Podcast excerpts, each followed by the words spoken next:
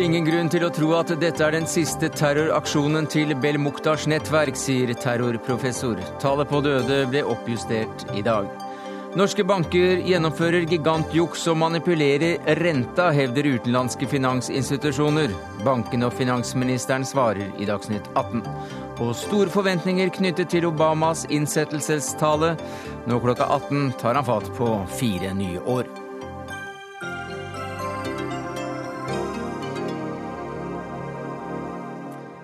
Ja, Det er noen av sakene i Dagsnytt 18 denne mandagen, der vi også får med oss eh, hun som har skrevet spillet om Gaza. Men vi begynner med terroren i Algerie. Halvard Sandberg, utenriksmedarbeider i NRK.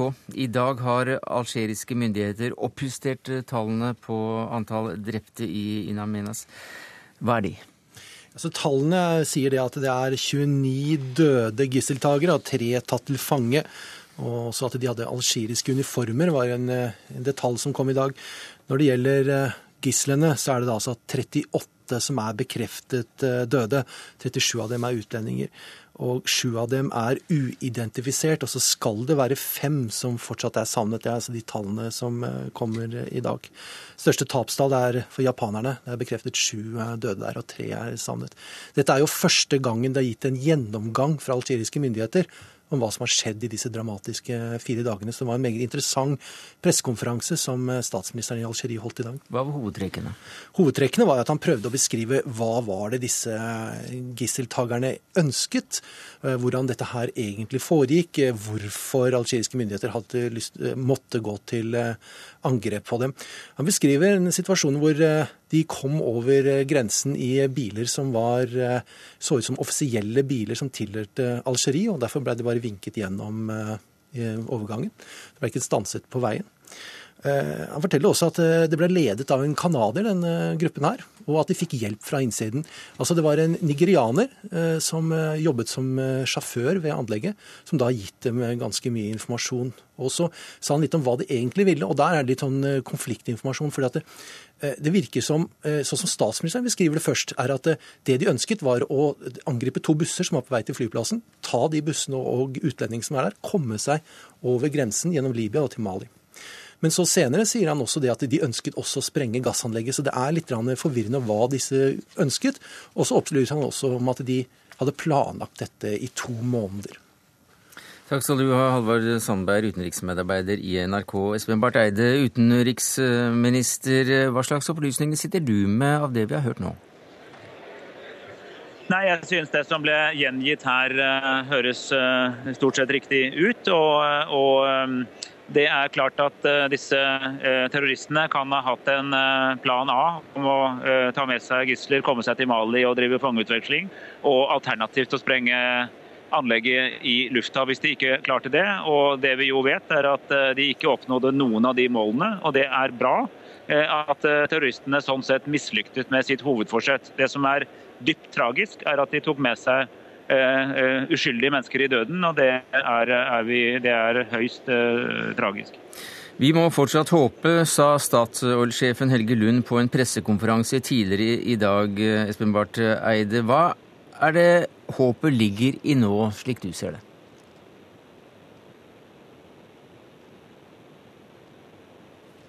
Espen Barth Eide? Der var det noe som eh, skjedde på eh, vår telefonlinje til eh, Tromsø, der utenriksministeren er.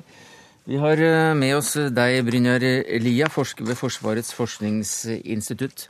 Og vi har tenkt å snakke litt om hva slags andre grupper som finnes i, i Nord-Afrika. For som vi har hørt, så er det også nå flere og flere som eh, peker på akkurat den delen av Afrika som uh, det nye stedet der man trapper opp krigen mot terror, en slags del to da etter Afghanistan.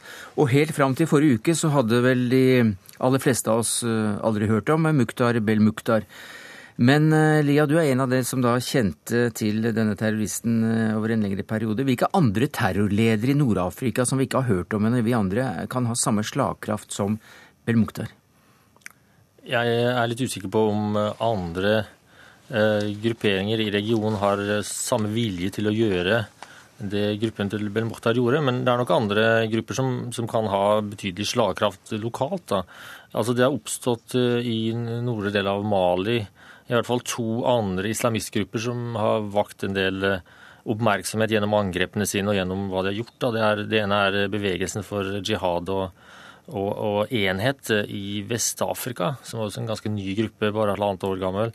Og så er det en gruppe som kaller seg for Ansari Din, eller religionsstøttespillere, som også opererer i noenlunde samme område i Nord-Mali. Eh, de har eh, kontroll over hver sin større by der oppe. Da. Eh, og, og disse representerer på en måte et slags tuaregisk og eh, afrikansk motstykke da, til det mer algirsk dominerte eh, Al Qaida, islamske Magreb. Så her har, du, her har du i hvert fall to andre islamistgrupper i regionen som er nye, og som, som på en måte representerer denne spredningen av salafi-jihadistisk ideologi da, til, til det bredere Sahel-området. Eh, men hvordan skiller de seg fra hverandre og i forhold til Belmukhtar? Belmukhtar eh, og hans eh, nærmeste er jo eh, først og fremst algirere og har erfaring fra den algirske borgerkrigen. Og de har Belmukhtar selv har jo også, er også veteran fra Afghanistan-krigen, så han er relativt gammel til å være jihadist. Han er over 40. Mm -hmm. så, så, han har lang erfaring. Men de andre gruppene er mye nyere, og det er ikke sikkert at den jihadistiske ideologien sikkert ligger dypt hos de. Eh, så eh, det kan godt hende at de er, eh, i hvert fall til en viss grad, en fane som de vaier med nå, fordi jihadisme er på en måte i skuddet, og det er en måte å tiltrekke seg eksterne rekrutter på. Mm. og, og, og, og, finansiell støtte utenfra. Men, men, de har på en måte Belmortar har etablert et nært forhold da, til den ene, den nevnte først denne bevegelsen for jihad og tawhid i, eller enhet da, i Vest-Afrika. Eh, og han har også inngått ekteskapsallianser med lokale stammer i, i Nord-Mali. Så, så her, her, er det flere ting som knytter disse sammen. da. Nå har vi med oss utenriksministeren igjen, denne gang på telefon fra Tromsø. Og Barth Eide, altså Nord-Afrika eh, sies da er blitt en magnet for jihadister. Eh, blant annet så sa den britiske statsministeren det i dag, og la til at landet nå vil bidra med etterretningshjelp og annen antiterrorhjelp. Hva med Norge? Jeg mener at uh, dette er noe som også angår oss, og det er viktig at vi også bidrar i dette. Dette er en stor internasjonal problemstilling. Uh, vi husker hvordan Afghanistan før vi gikk inn der ble et oppmarsjområde for internasjonal terror. Ikke fordi den oppsto i Afghanistan, men fordi at Al Qaida-ledelsen og, og, den type grupper tok, tok, det rommet som da ble ledig når, når staten ikke fungerte. Og Noe lignende er nå i ferd med å skje i Nord-Mali. Det er forskjeller, men det er også fellestrekk. Dette må vi forholde oss til. Og jeg mener Vi må forholde oss til på, det, på to plan. Det første er eh, konkrete sikkerhetstiltak her og nå. Og Det andre er det mer langsiktige arbeidet med å sørge for at den arabiske våren får et uh, lykkelig historisk utfall. At, at, man får moderne, demokratiske stater der folk føler deltakelse og man får politiske bevegelser som tar folk vekk fra de jihadistiske og salafistiske gruppene og inn i mer moderate eh, organisasjoner og partier. Eh, og begge deler er nødvendig for å hindre at eh, disse gruppene biter seg fast i, i det nordre Afrika. Og gjort om til, til handling, hva vil det si? Unnskyld, da hørte jeg ikke spørsmålet. Nei, altså Hva kan Norge da eventuelt bidra med mer konkret? Ja, altså i, eh, det, i, den eh, mer langsiktige politiske prosessen så mener jeg f.eks. at den dialogen som vi nå lenge har ført med, eh, med representanter for Det muslimske brorskap, som er altså et mer moderat, en mer moderat bevegelse av en politisk bevegelse i mange land i bl.a. Nord-Afrika, er en, en, viktig del av det. Det bør vi absolutt fortsette med, den type tiltak for å, å bygge organisasjoner som kan være et alternativ til ekstremistene. Mer på kort sikt så ser vi nå på om vi skal også bidra i den internasjonale innsatsen i Mali. Jeg kan ikke verken si at vi kommer til å gjøre det eller ikke, men dette er til vurdering. Og vi er akkurat nå i en dialog med andre nordiske land om et mulig fellesbidrag. Ja, for NTB melder eh, nå at regjeringen vurderer norsk bidrag til den EU-ledede treningsstyrken i Mali. Ja, det, det, er jo slik at FN har, ned, eh, har vedtatt at det skal være en afrikansk dominert fredsvarende styrke. Vi kan jo ikke delta direkte i den fordi vi ikke er et afrikansk land. Men det er da slik at man i EU diskuterer tiltak for å støtte opp om denne, både med logistikk og trening og den type bidrag. Og Det er altså der dette mulige nordiske bidraget kan komme inn. Jeg kan ikke annonsere at det blir et, men vi har en seriøs vurdering av det i den mm. kretsen vi ofte deltar i slike operasjoner. Hva slags bidrag kan det eventuelt være snakk om? Ja, Vi snakker jo om uh, ulike former for militære bidrag, eventuelt militær kompetanse. I tillegg til bidrag på andre områder. Men, jeg, men det er altfor tidlig å si hva det konkret vil bli.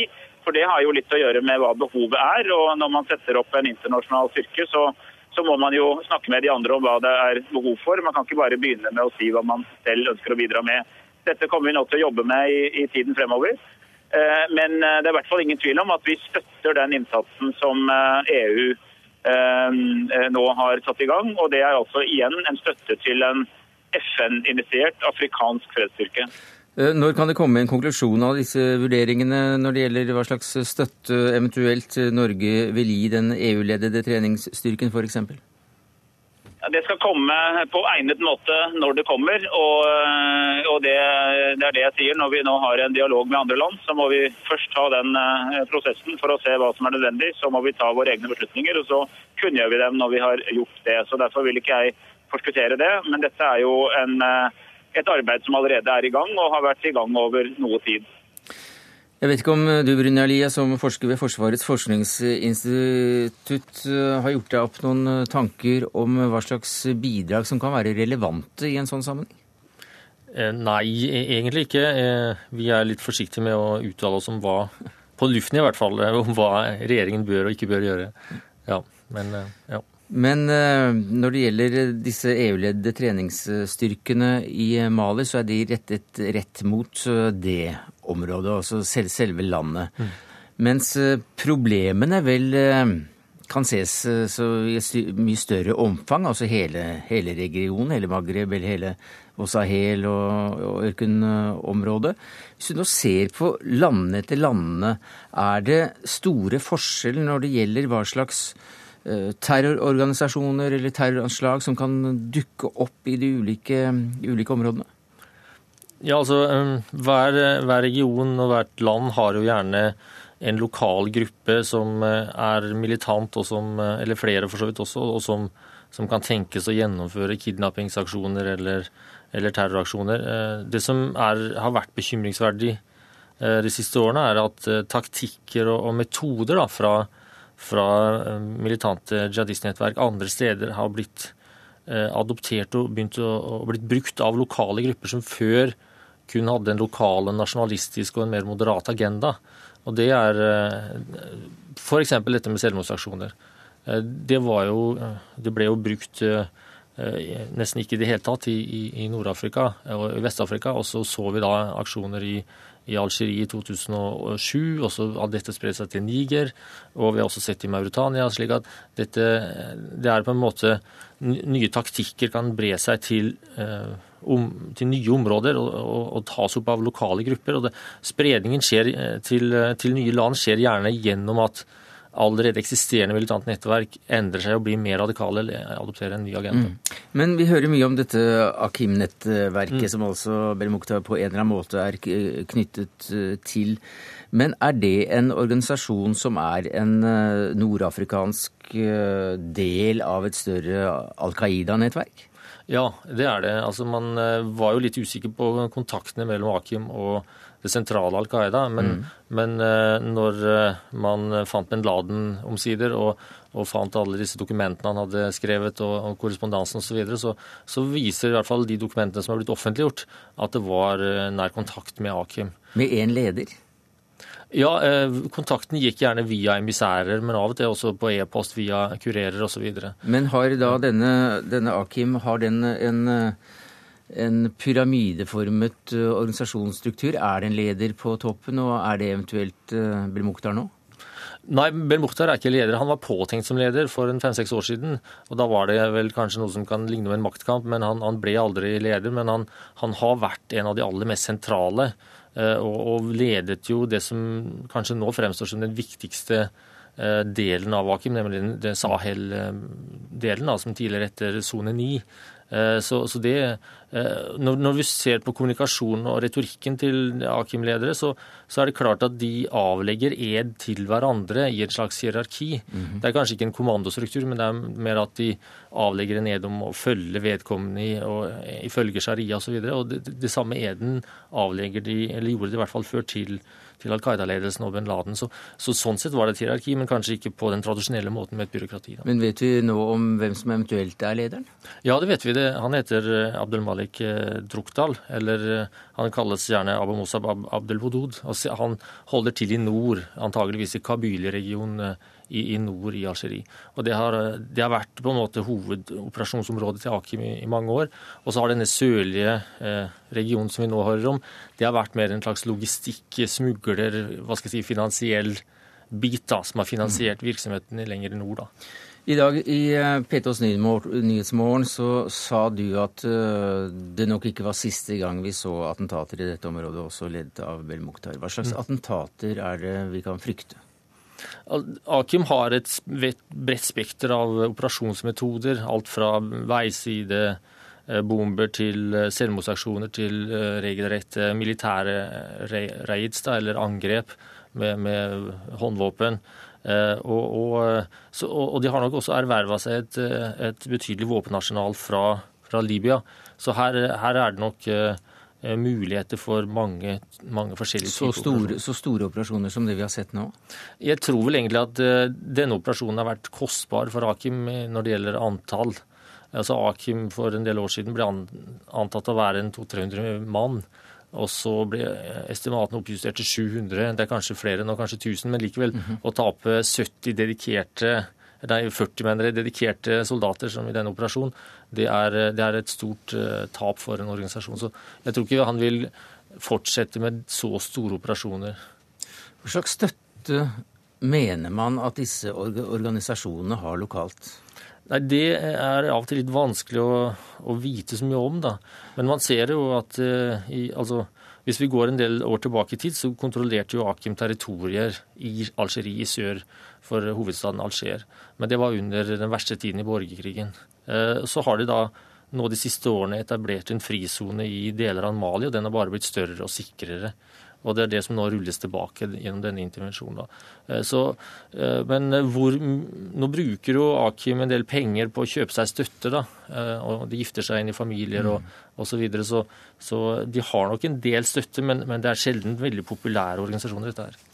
Men du følger også nøye med på disse ulike organisasjonene. Men eh, har du også eh, grunnlag for å si noe om hvordan en eventuelt krig mot terror, altså mot disse gruppene generelt, blir i dette området?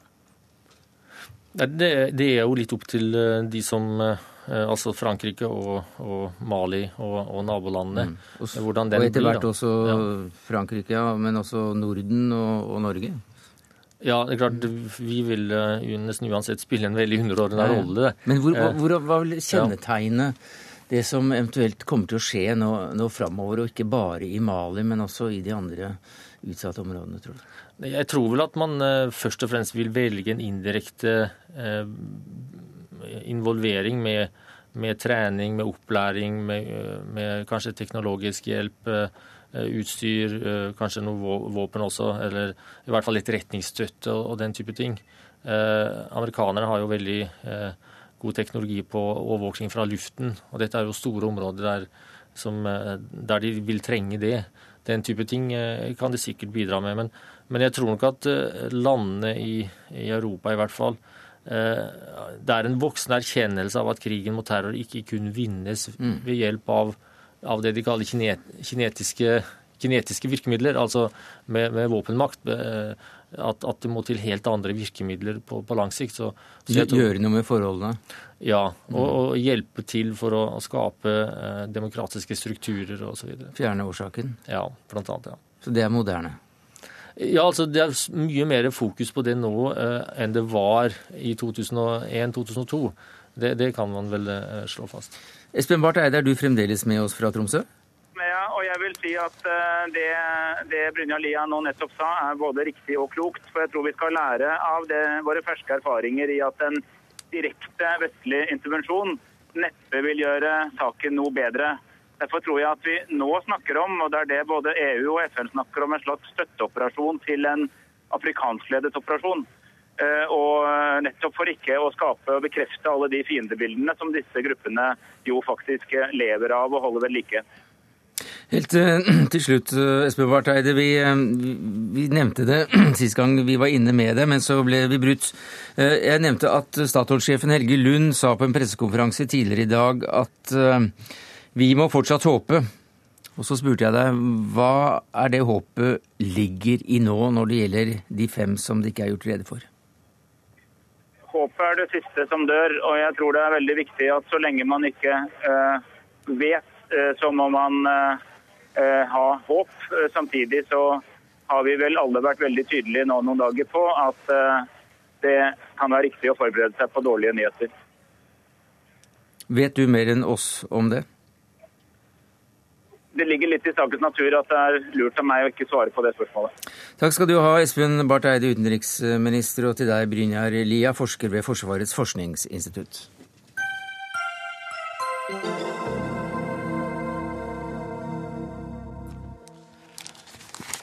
Hva i all verden er Nibor, økonomikommentator her i NRK, Steinar Medios? Ja, La meg forsøke, da. Eh, norsk interbankrente det er den renten som fastsettes eh, og som skal gjelde mellom bankene. Men den er altså den aller viktigste renten når det gjelder de alle typer transaksjoner, egentlig. Den er et referansepunkt for alle typer produkter mellom bankene og mellom bankene og sine kunder. Så i det øyeblikk man jukser litt med den, så kan man si at man kan risikere å jukse alle sine kunder også. Men er det pengemarkedsrente? Ja, det er jo en slags, en slags Det er iallfall en, bank, en rente mellom bankene. Norsk interbankrente. Det er derfor den heter Nibor. Og i London heter den Libor. Mm. Denne renta er det nok til og med en og annen P2-lytter som uh, nok har et ufullstendig bilde av, men som utenlandske banker altså mener at norske banker har manipulert med. Og hvorfor er dette så viktig? Fordi eh, hvis de manipulerer, eh, så kan man altså rett og slett lure sine kunder. Det har skjedd i utlandet. Eh, noen av de største guttene i finansbransjen har eh, blitt bøtelagt. Og, og da snakker vi om bøter i en størrelsesorden som vi ikke har sett før. Det er gigantiske bøter, fordi det dreier seg om gigantiske summer man kan svindle sine kunder for. Fordi det er store transaksjoner, kan du kan si små marginer når det gjelder renter. Men, men, det, men det er enorme beløp og mange transaksjoner. Hvor store bøter er det man snakker om? Hundrevis av millioner. Morten Baltzersen, Finanstilsynet, Norges Bank må altså da se at det kommer en rekke klager på det som skal være uforklarlige bevegelser i Nibor i Norge, altså. Og har bedt dere om å vurdere en gransking. Hva slags uforklarlige bevegelser er det snakk om? Det er en del aktører som viser til store utslag i disse rentene på enkeltdager og mener på det grunnlag å slutte at dette er klar indikasjon på, på manipulasjon eh, fra de bankene som, som, deltar i fastsettelsen. Ja, Hvordan da? Eh, det er, er, da en påstand om at dette kan være uttrykk for en eh, manipulasjon. Men samtidig så er det slik at, at disse rentene påvirkes jo også av underliggende forhold i markedet. og Bl.a. når det er eh, risiko i, eh, i eh, markedet og risikopremiene varierer, så vil dette gi seg utslag i disse markedsrentene. Så det at det kan være variasjoner fra dag til annen i, i Nibo-renten, er ikke i seg selv et uttrykk for at de er manipulert. Men det hva... kan også reflektere underliggende markedsforhold. Ja, For disse rentene vil jo variere. Det er vel noe av av logikken her, siden det fastsettes hver dag klokken tolv, eller hva det er. Man fjerner den, to av bankene som har topp og den som har bånd, omtrent som en, i hoppsporten, der du stryker eh, den dårligste og beste karakteren av de seks bankene som, som, er med i dette her eh, i Norge. Men, eh, men, det er også da utenlandske store finansinstitusjoner som mener at norske banker manipulerer. Og Én ting er at de, bare, at de, bare, ser på om det går opp eller ned, og frekvensen av det, men hvilke andre begrunnelser har de? Det er utslag i eh, markedet som eh, er de begrunnelser som er eh, anført, og at disse som fremsetter disse påstandene, mener at de ikke kan forklares med underliggende markedsforhold. Ja, for de kjenner også til de underliggende markedsforholdene? Ja, og de kan også variere fra bank til bank, som fastsetter disse, selv som bidrar til denne fastsettelsen. Så, så det er et komplisert bilde å, å forholde seg til. Men, men, det er veldig uh, uheldig at det er usikkerhet om ja. denne fastsettelsen. Så det at slike påstander framsettes fra tid til annen, uh, understreker uh, viktigheten av å gjennomgå dette systemet og eventuelt eh, endre det. Og et slikt oppdrag har vi fått fra Finansdepartementet. Ja, Hva sier du til dette, finansminister Sigbjørn Johnsen? For det første er det slik at dette er jo en viktig rente for deg og meg, eh, og for bedrifter. For det er jo denne referanserenten som såkalt flytende rente bygger på. og Derfor så er det helt uomtvistelig at det må herske full tillit omkring denne renta, og hvordan renta blir fastsatt. og Eh, det, er, eh, det må stå støtt som fjell, for å bruke et eh, slikt uttrykk. og Noe av grunnen til at vi har bedt Finanstilsynet om å gå gjennom rammeverket rundt denne renta, er jo bl.a. basert på det som skjedde i London. altså At vi må være helt sikre på i fellesskap at det ikke hersker tvil om mm. tilliten til denne renta. og Det er, det er viktig for Finansdepartementet, Finanstilsynet og for banka sjøl, fordi at dette er et tillitssystem. Ja, hva blir konsekvensene om det viser seg at denne renta manipuleres i Norge? Ja, Nå har jeg ikke noe belegg for å si noe om eh, det har skjedd, eller om det skjer. Nei, det har jeg ikke sagt heller, men hva blir konsekvensen om, om, hvis, det, hvis, det kan stille, hvis det kan stilles spørsmålstegn ved eh, om dette er rente som er basert på det beste skjønn, og på, på, de, på det som det er mulig å, å dokumentere av bevegelser i prisen mellom banker, eh, så har vi klart en utfordring. For som vi sier, det må være 100% tillit rundt denne renta. og Det er jo i første rekke et eh, ansvar som banka har, de seks som er med, pluss Finans Norge, som det heter vel nå, som da for så vidt har det operative ansvaret. Så tilliten her må være urokkelig, og det skal vi bidra til gjennom å se på regelverket, slik de gjør i Sverige, slik de gjør i Danmark og en del andre land. Kan du ganske kort forklare meg hvordan bankene eventuelt da kan tjene penger på å manipulere denne renta? Det er, det, er, det er, som media sier her, det, det kan jo være altså små, eh, bitte små marginer som eh, kan uh, flyttes i den ene eller andre retningen. Men jeg har ikke noe grunnlag for å gå inn i si, teknikken bak, bak, dette. Men det som skjedde i London, var jo at det var en eh, e-post som eh, på en måte viste at her var det skjedd en manipulasjon. Det var et håndfast bevis, så vidt jeg kommer, fra en varsler i en av bankene som gjorde at dette kom, kom for dagen, og det kunne dokumenteres. Mm. Hvis dette ikke er markedsmanipulasjon, vet jeg ikke hva det er, skriver da en stor internasjonal bank. Jane Digranes, du er direktør i Finans Norge, altså det som var bank- og kapitalmarkeds... Eh, eller tidligere Finansnæringens Fellesorganisasjon og Finansnæringens arbeidsgiverorganisasjon. Eller arbeidsgiverforening, heter det vel. Hvis ikke dette er markedsmanipulasjon, vet jeg ikke hva det er. Hva er det da? Nei, dette er eh, svingninger i et marked. Altså, I Norge så er det jo sånn at staten er så rik sånn at eh, staten låner ikke ut penger i det norske markedet. Så når vi bankene må, skal liksom hente inn litt ekstra kapital når de har masse innskudd og de har obligasjonslån, så skal de liksom fra dag til dag låne inn litt til for å balansere dette. Og Da går de i disse pengemarkedene, og det må de norske bankene gjøre i utlandet. Og Da er det dollar som er liksom hovedvalutaen som man forholder seg til.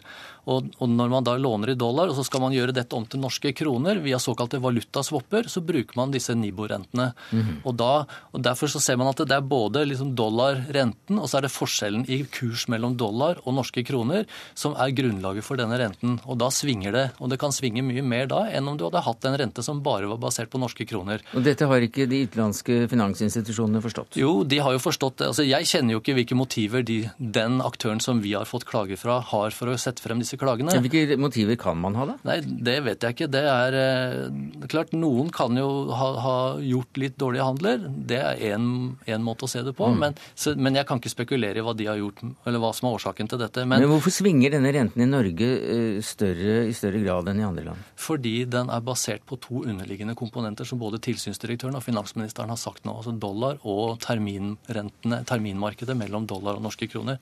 Da får du to, to variabler som svinger, og hvis de svinger i takt, så blir det ekstra mye på norske kroner. Og det skjer ikke med f.eks. Nei, i, i London så er det jo rentene er jo fastsatt i de valutaene som, som det handles i.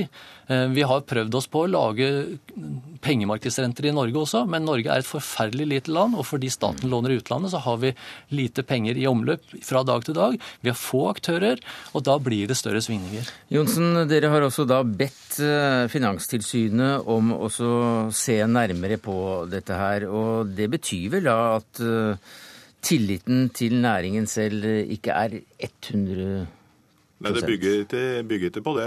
Poenget er at dette er en del av en internasjonal trend, som vi sa, og som er utløst av det som skjedde i, i London. Men samtidig så er det viktig som det blir sagt her, at uh, det er seks banker i Norge, så det er forholdsvis uh, få som er med på det. og Eh, det er to hovedting som Finanstilsynet skal se på. Det ene er å vurdere denne rentas rolle framover, hva slags rolle den skal spille.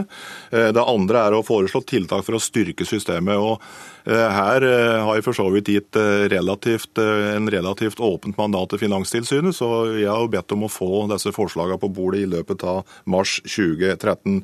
Mulig nye andre alternativer til renta, behov for nye regler, behov for hvordan en skal kunne lage et system med kontroll og tilsyn hensyn i forhold til framtida. Så dette er nok et arbeid som vi som sitter i rommet her er ganske enige om bør bli gjort. og Poenget med det hele er å, å, sørge for at det til enhver tid er tillit til dette systemet. Det er, det er grunn det som eh, det koker ned til. For det, det, er så viktig for deg og meg, og for de som er aktører, som det heter i dette markedet. Og akkurat Årsaken til at man gjør det nå, det er faktisk at det er kommet inn bekymringsmeldinger fra viktige finansinstitusjoner i utlandet? Vi sendte brevet 14.12. til Finanstilsynet, og det bygger på det som jeg sa, det som skjedde i London, mm. og at dette er noe som de òg gjør i de, de nærmeste naboene våre, f.eks. i Danmark og Sverige. Er det da grunn til å tro at man ikke driver med denne type virksomhet eh, i Norge, Medios?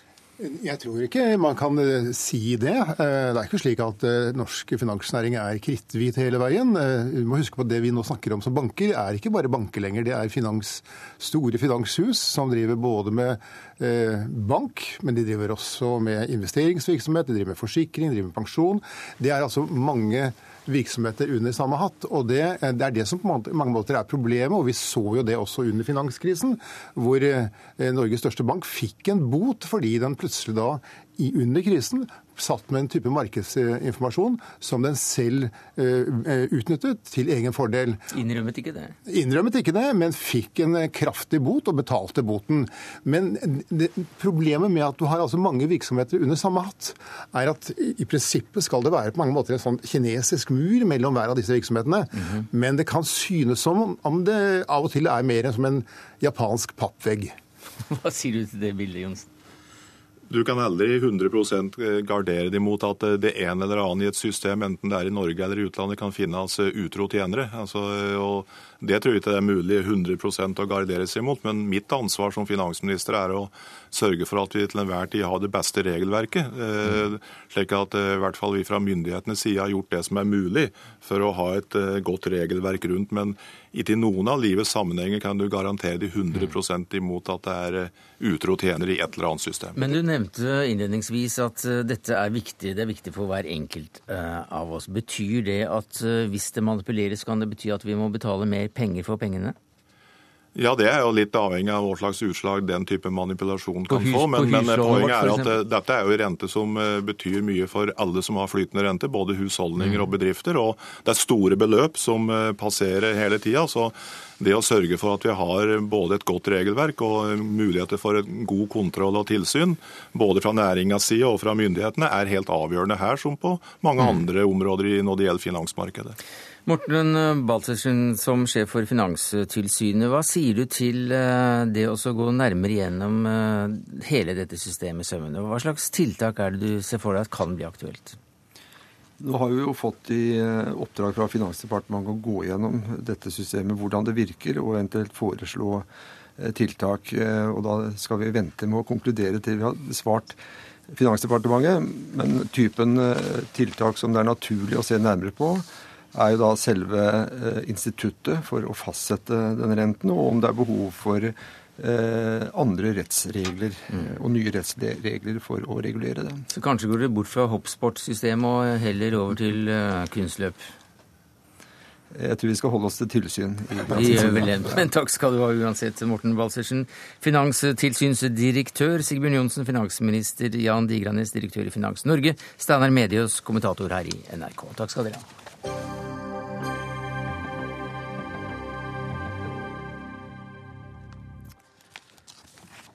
Eh, en rakett eksploderte da altså rett ved en kafé nær grensen til Gaza. Og i den restauranten satt du, Åshild Eidem. Ja. Hvordan tok de som da kom eh, først til, eh, til dette åstedet, det som skjedde? Var det full panikk?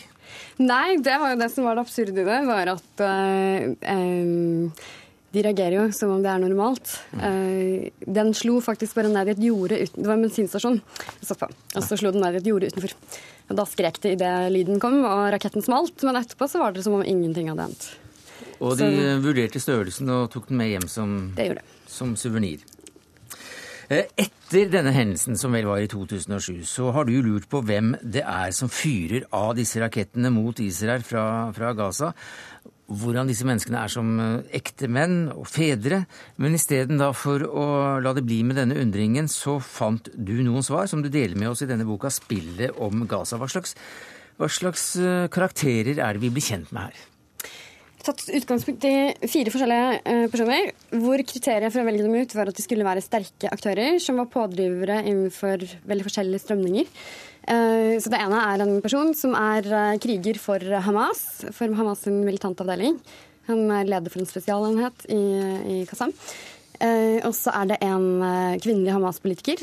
Og så er det en tunnelsmugler som har blitt mangemillionær på å smugle alt fra biler til til konstruksjonsmaterialer mm. undergrunns. Og så er det en ung liberal feminist som er politisk aktivist. La oss begynne med, med han som ble Hamas-kriger, Abu Hamid. Du var hjemme hos familien. Ja. Satt på sofaen. Ja.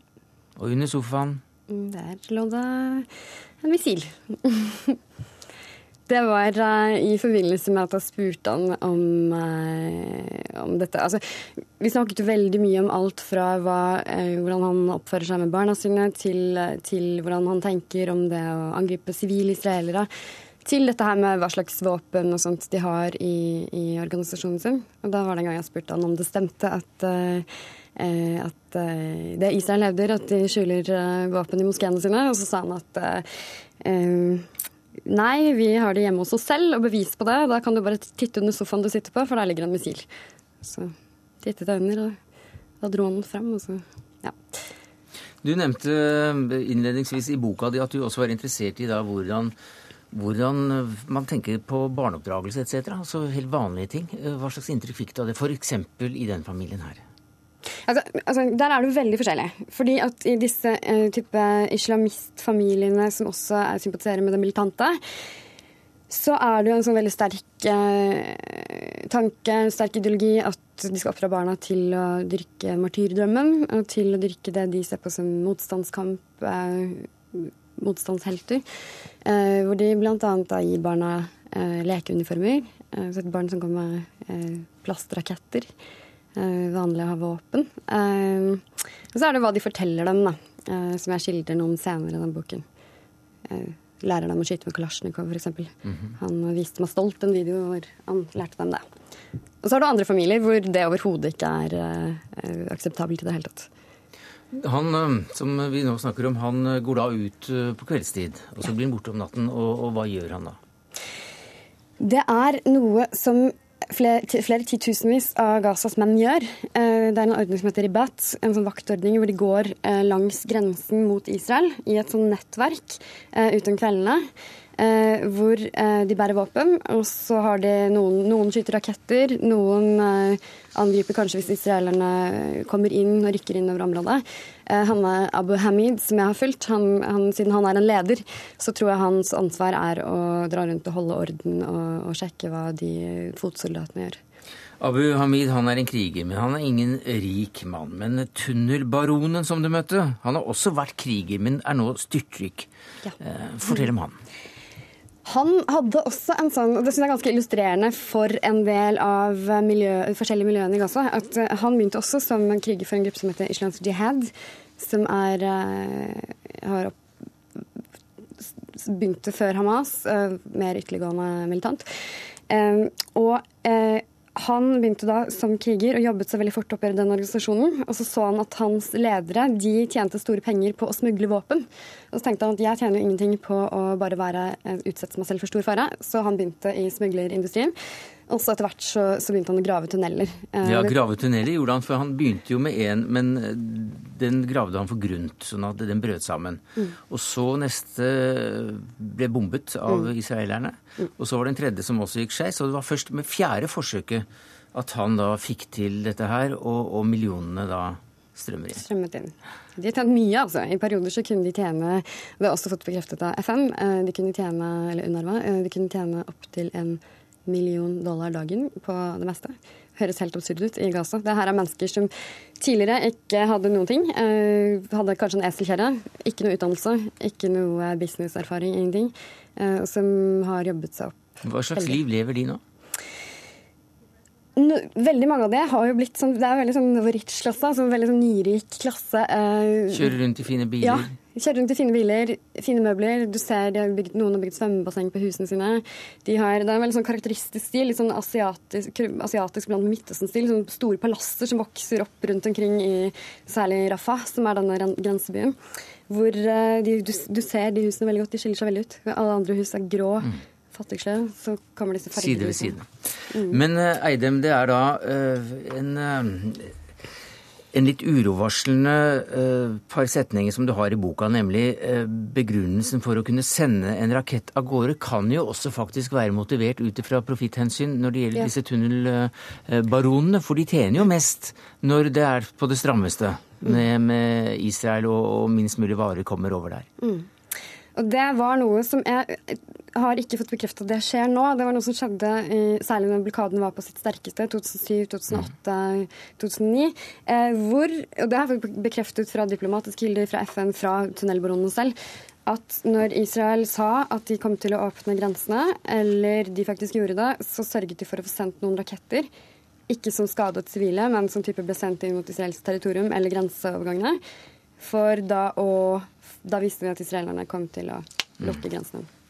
Dette er også da en bok om, eh, om, kontrastene, skriver du, og om drivkreftene i Gaza, der liberale feminister bor ved siden, ved siden av side, bor om side ved side, som det heter, med Al Qaida-supportere. Og vi kommer verken innom sterkeste, en av de sterkeste kvinnene i hele Hamas, eller denne uh, unge, sterke, flotte uh, feministen.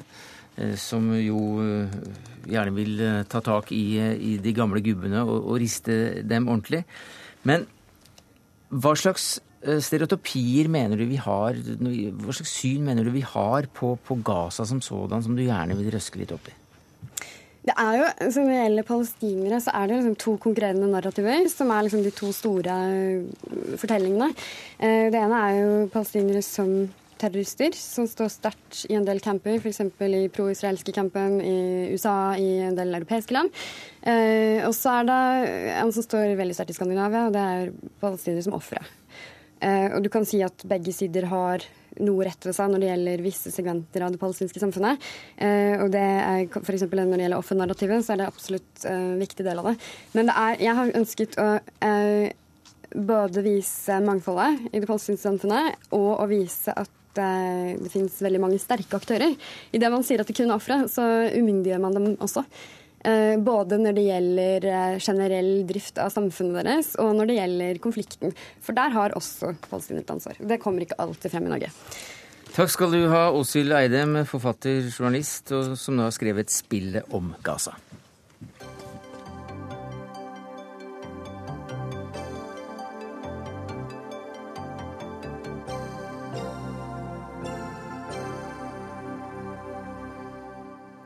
Each time we gather to inaugurate a president, we bear witness to the enduring strength of our Constitution. We affirm the promise of our democracy. We recall that what binds this nation together is not the colors of our skin or the tenets of our faith or the origins of our names. What makes us exceptional, what makes us American, is our allegiance to an idea articulated in a declaration made more than two centuries ago. We hold these truths to be self evident that all men are created equal. Alle er eh, skapt like, og med disse ordene så begynte da faktisk Barack Obama sine fire nye år som verdens mektigste mann, vel, etter eh, at han da ble tatt i ed i den offentlige innsettelsesseremonien foran kongressbygningen nå klokka 18 norsk tid. Eh, mye spenning og klare forventninger var knyttet til innsettelsestalen. Og Tove Bjørgaas, mens vi har sittet her og snakket om veldig mange andre ting, så har du lyttet en god del til denne talen. Du er utenriksmedarbeider i NRK, tidligere USA-korrespondent, du har skrevet bok om Obama. Hva syns du? Jeg syns det var en mer nedtonet tale enn det han pleier å holde, men det var veldig konkret. Eh, han tok utgangspunkt i uavhengighetserklæringen. og We the people, som det står der. Altså at vi folket, amerikanske folket må stå sammen for å løse sine utfordringer, og at alle skal med. Det var vel egentlig budskapet. Fattig og rik skal alle med. Alle skal ha muligheter i dette landet. Den amerikanske drømmen skal leve videre. Og da nytter det ikke at de rikeste stikker av med det meste av kaka. Ja, Framsto han som en uh, mann som gledet seg til å ta fatt på fire nye år og full av energi og pågangsmot? Han eh, hadde mye energi, men jeg tror nok han vet eh, hvor vanskelig dette kommer til å bli. Og Derfor så avsluttet han også talen med å si at om man ikke får til de store tingene, eh, så må man få til det man kan. Mhm. Og det må Kongressen også forstå, fordi han må jo nå få disse republikanerne i Kongressen til å samarbeide. Hvis ikke så blir det ikke noe politikk i hans andre periode. Jon Gerius, USA-korrespondent på plass foran kongressbygningen på Capitol Hill i Washington, der innsettelsen altså nettopp har foregått. Du er vel ikke alene i kongressområdet? Nei, her har det vært eh, bortimot samme folkefest som for fire år siden. Dog ikke så mange som dukket opp den gang, men det anslås at mellom 800 000 og 1 million mennesker var til stede foran kongressbygningen. Hva med denne seremonien eh, er så viktig slik at opptil én million mennesker kommer og ser på den? Dette er jo på en måte nasjonens øyeblikk der man skal binde nasjonen sammen som én nasjon. Litt både 17. mai og julaften alt mulig rart annet hjemme i Norge på en gang. USAs president er som du selv sa verdens mektigste mann, og det er han som blir innsatt. Det er hans tale som også skal samle folket til ett folk, uavhengig om han er republikaner eller demokrater. Og Det betyr mye for USA at de har denne innsettelsesseremonien, som er etter eh, gamle ritualer, der Obama brukte to bibler eh, foran eh, avleggelsen av eden. Den ene tilhørte Abraham Lincoln, den andre tilhørte Martin Luther King. Det er hans minnedag i dag for øvrig. Og det er klart at Dette er også symbolikk i måten amerikanerne gjør dette på. Det er en stor symboldag og en stor festdag også for amerikanerne. Men hvilke forventninger tror du eh, den millionen som eh, møtte opp har for de nye fire årene? Det er sannelig godt å si, fordi at Obama går løs på en meget krevende ny fireårsperiode med en blytung statsgjeld, med problemer i Kongressen til å få republikanere være med på noe av hans egne forslag. De skal bl.a. diskutere nå snart våpenloven. Vi vet at eh, hele, utenlands, altså hele gjeldsbyrden og økonomiske situasjonen i USA er jo eh, et ragnarok for Obama. og det er klart at Han skal gjøre ganske mange nye grep for å klare å overbevise hele Amerika om at han også er mannen til å rette opp alt det som nå ligger foran ham i de neste fire årene.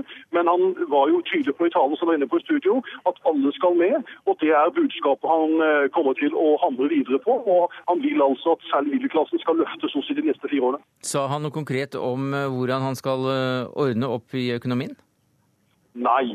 Og det er nok heller ikke dagen i dag til anledning til å komme med de veldig store proklamasjonene. Men det er klart at dette eh, gjennomsyrer i talene hans. Budskapet hans går til den enkelte amerikaner. Han utfordrer både de folkevalgte og folk uansett partipolitisk tilhørighet til å stå sammen. Det er sammen USA kan klare å løfte seg ut av det uføret man nå er inne i. Eh, husk på Det er altså 28 arbeidsløshet fortsatt i dette landet. og Det gjør også at det er eh, mange mennesker som ønsker å komme i arbeid. Rundt 5 25 millioner amerikanere er uten fast arbeid. Så det er mange utfordringer som venter Obama når han i morgen starter opp igjen i sin andre periode. Takk skal du ha, Jon Gelius, eh, USA-korrespondent for anledningen utenfor Capitol Hill i Washington. Knut Anton Mork, du er sjeføkonom i Handelsbanken.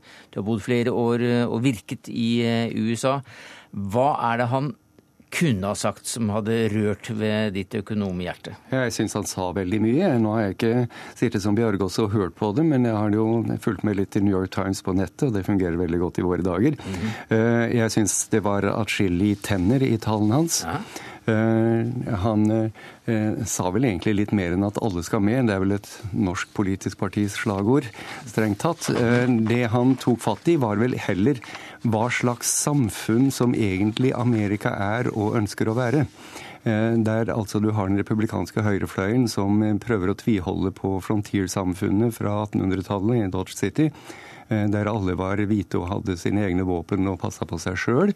Og eneste ting som myndighetene var sto for, det var Federal Marshall i byen. Eh, til da et moderne samfunn der mange mennesker har behov for hjelp, for støtte, for helsepleie, for pensjoner, for trygder, eh, og som er ulike i rase, i tro, i legning. Og dette kjører han hardt på at alle skal med. Hvor, hvor viktig er det for, eh, for når vi tenker på økonomi? Det er veldig viktig, eh, fordi utgangspunktet for den økonomiske eh, skal jeg si, stormen omkring nyttårsskiftet sto egentlig om likhet versus ulikhet. Eh, der jeg er helt uenig med Gelius som sier at gjeldsbyrden står som et ragnarok. Den gjør ikke det. Eh, den amerikanske staten har betydelig lavere gjeld i forhold til sitt BNP enn Italia har, og kan låne alle de penger de vil til markedet til under 2% rente. Det er ikke problemet. Problemet er de som bruker dette og skyver det foran seg til å støte folk utenfor i det amerikanske samfunnet. Det er problemstillinga. Eh, og der vil jeg si at talen hans hadde tenner, og der er det mye å ta fatt i. Og jeg la spesielt merke til en setning at vi ikke må ta feil slik at vi regner absolutisme for prinsipper. Det var nettopp et et kraftig spark til de republikanske motstanderne som snakker om prinsipper, eh, men som egentlig bare vil ha sitt igjennom til fordel for sine, som er 1% av befolkningen. Dette har du helt rett i, Mark. Og det at den manglende respekten for Obama som vi har sett disse første fire årene, det er der han nå må inn. Han må vise tenner. Han må vise at han klarer å, å være en handlekraftig eh, president som faktisk har ansvaret for eh, at USA beveger seg i riktig retning. Og hans store politiske prosjekt, det er jo å skape en større velferdsstat og sørge for at eh, også de som ikke har så mye penger, f.eks. kan skaffe seg en utdanning, slik at de kan delta i det amerikanske samfunnet i framtida. Og det er det, det, aller viktigste for Obama. Han ønsker et eh, historisk ettermæle, ikke bare som eh, USAs første svarte president, men som en, en som forandret USA. Men Mork, jeg trodde ganske bestemt at du kom til å argumentere for uh, grep han absolutt måtte innføre for å redusere gjelden så, så, fort som mulig, i hvert fall begrense veksten i den? Ja, Nei, det er altså ikke det jeg gjør. Nei. Det, den store risikoen nå ved årsskiftet var en resesjon hvis de stramma inn for fort.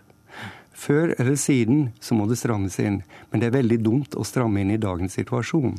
Det du, det du, eh, det du trenger i en sånn innstrammingsprosess, Eh, som da går utover eh, etterspørselen etter varer og tjenester i samfunnet. Fordi det, det, strammes inn på statens etterspørsel, og det blir høyere skatter. Mm. Det du trenger da, er å ha en sentralbank til hjelp som kan senke renta. Det kan den gjøre så lenge renta kan senkes.